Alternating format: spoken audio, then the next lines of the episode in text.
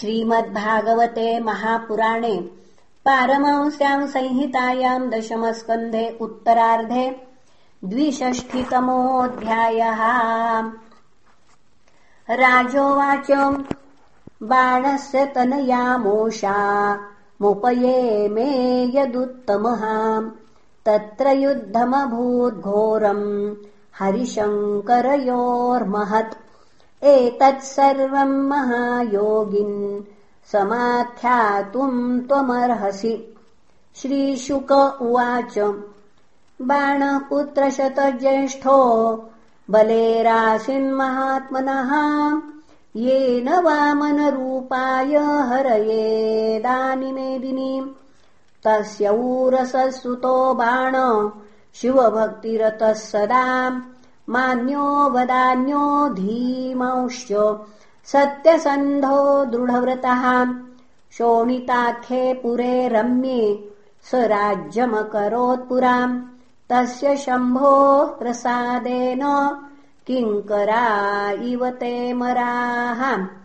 सहस्रबाहुर्वाद्येन ताण्डवे तोषयन्मृडम् भगवान् सर्वभूतेशः शरण्यो भक्तवत्सलः।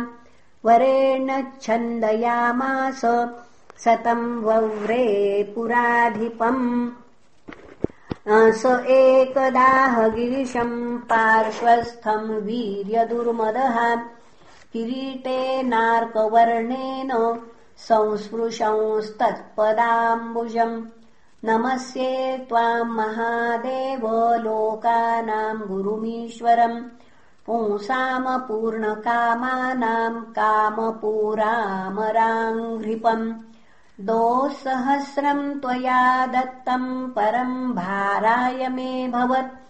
त्रिलोक्याम् प्रतियोद्धारम् न लभे त्वद्रुते समम् कण्डूत्यानि भृतैर्दोर्भिर्युयुत्सुर्दिगजानहम् आद्यायाम् चूर्णयन्नद्रीन्न भीतास्तेऽपि प्रदृद्रुवुः तच्छ्रुत्वा भगवान् क्रुद्धः केतुस्ते भज्यते यदा तद् पुनः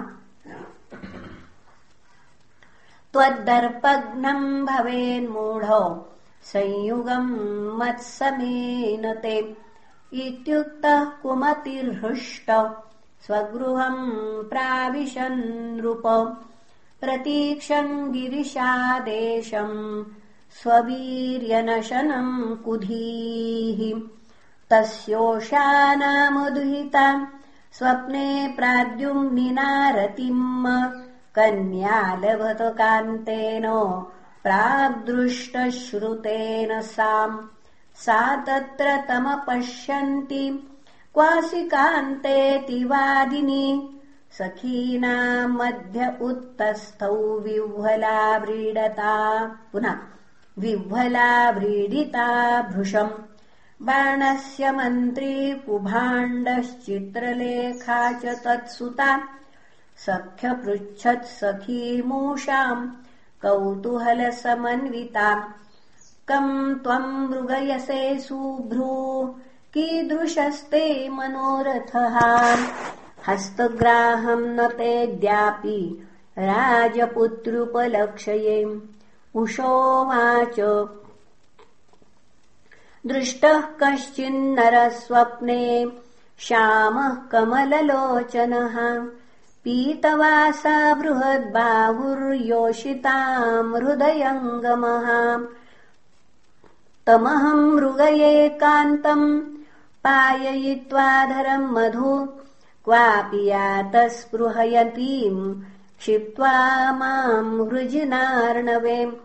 चित्रलेखोवाच व्यसनन्तेऽपकर्षामि त्रिलोक्याम् यदि भाव्यसे।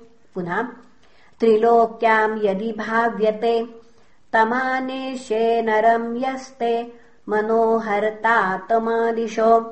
इत्युक्त्वा सिद्धचारणपन्नगान् दैत्यविद्याधरान् यक्षान् मनुजांश यथा लिखत् मनुजेषु च सा वृष्णी शूरमानकदुन्दुभीम् व्यलिखद्रामकृष्णौ च प्रद्युम्नम् वीक्षलज्जिता अनिरुद्धम् विलिखितम्। वीक्षोष्या वाङ्मुखीर्ह्या सोऽसावसावीति प्राहस्मयमाना महीपते चित्रलेखातमाज्ञाय पौत्रम् कृष्णस्य योगिनीम्। ययौ विहाय सा राजन् द्वारकाम् कृष्णपालिताम् तत्र सुप्तम् सुपर्यङ्के प्राद्युम्निम् योगमास्थिताम् गृहीत्वा शोणितपुरम् सख्यै प्रियमदर्शयत्। सा च तम् सुन्दरवरम् विलोक्यमुदिताननाम् दुष्प्रेक्षे स्वगृहे पुम्भी रेमे प्राद्युम्निना समम् परार्घ्यवासस्रगन्ध धूपदीपासनादिभिः पानभोजनभक्षैश्च वाक्यैः शुश्रूषयार्चितः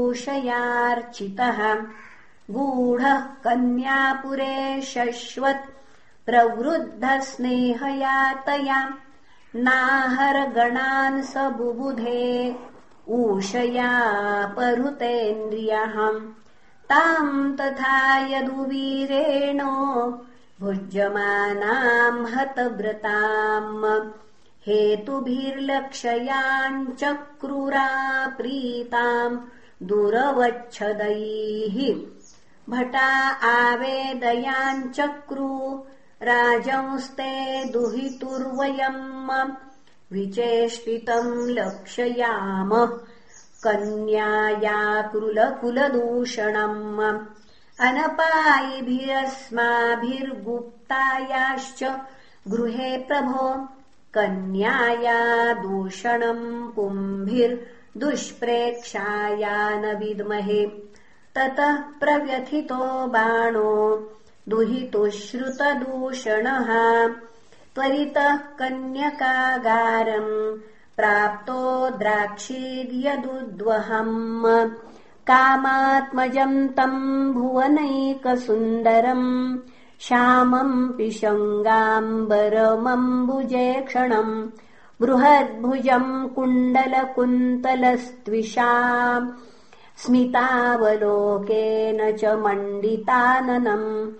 दिव्यन्तमक्षै प्रिययाभिनृम्णया तदङ्गसङ्गस्तनकुङ्कुमजस्रम् पुनः तदङ्गसङ्गस्तनकुङ्कुमस्रजम्।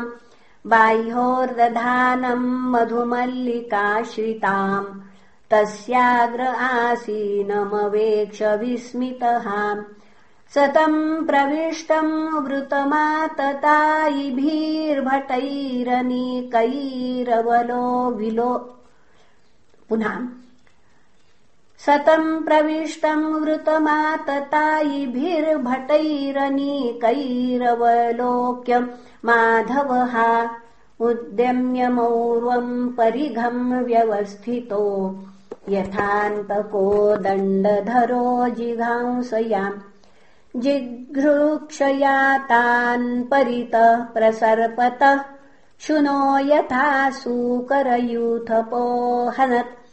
ते हन्यमाना भवनाद्विनिर्गता।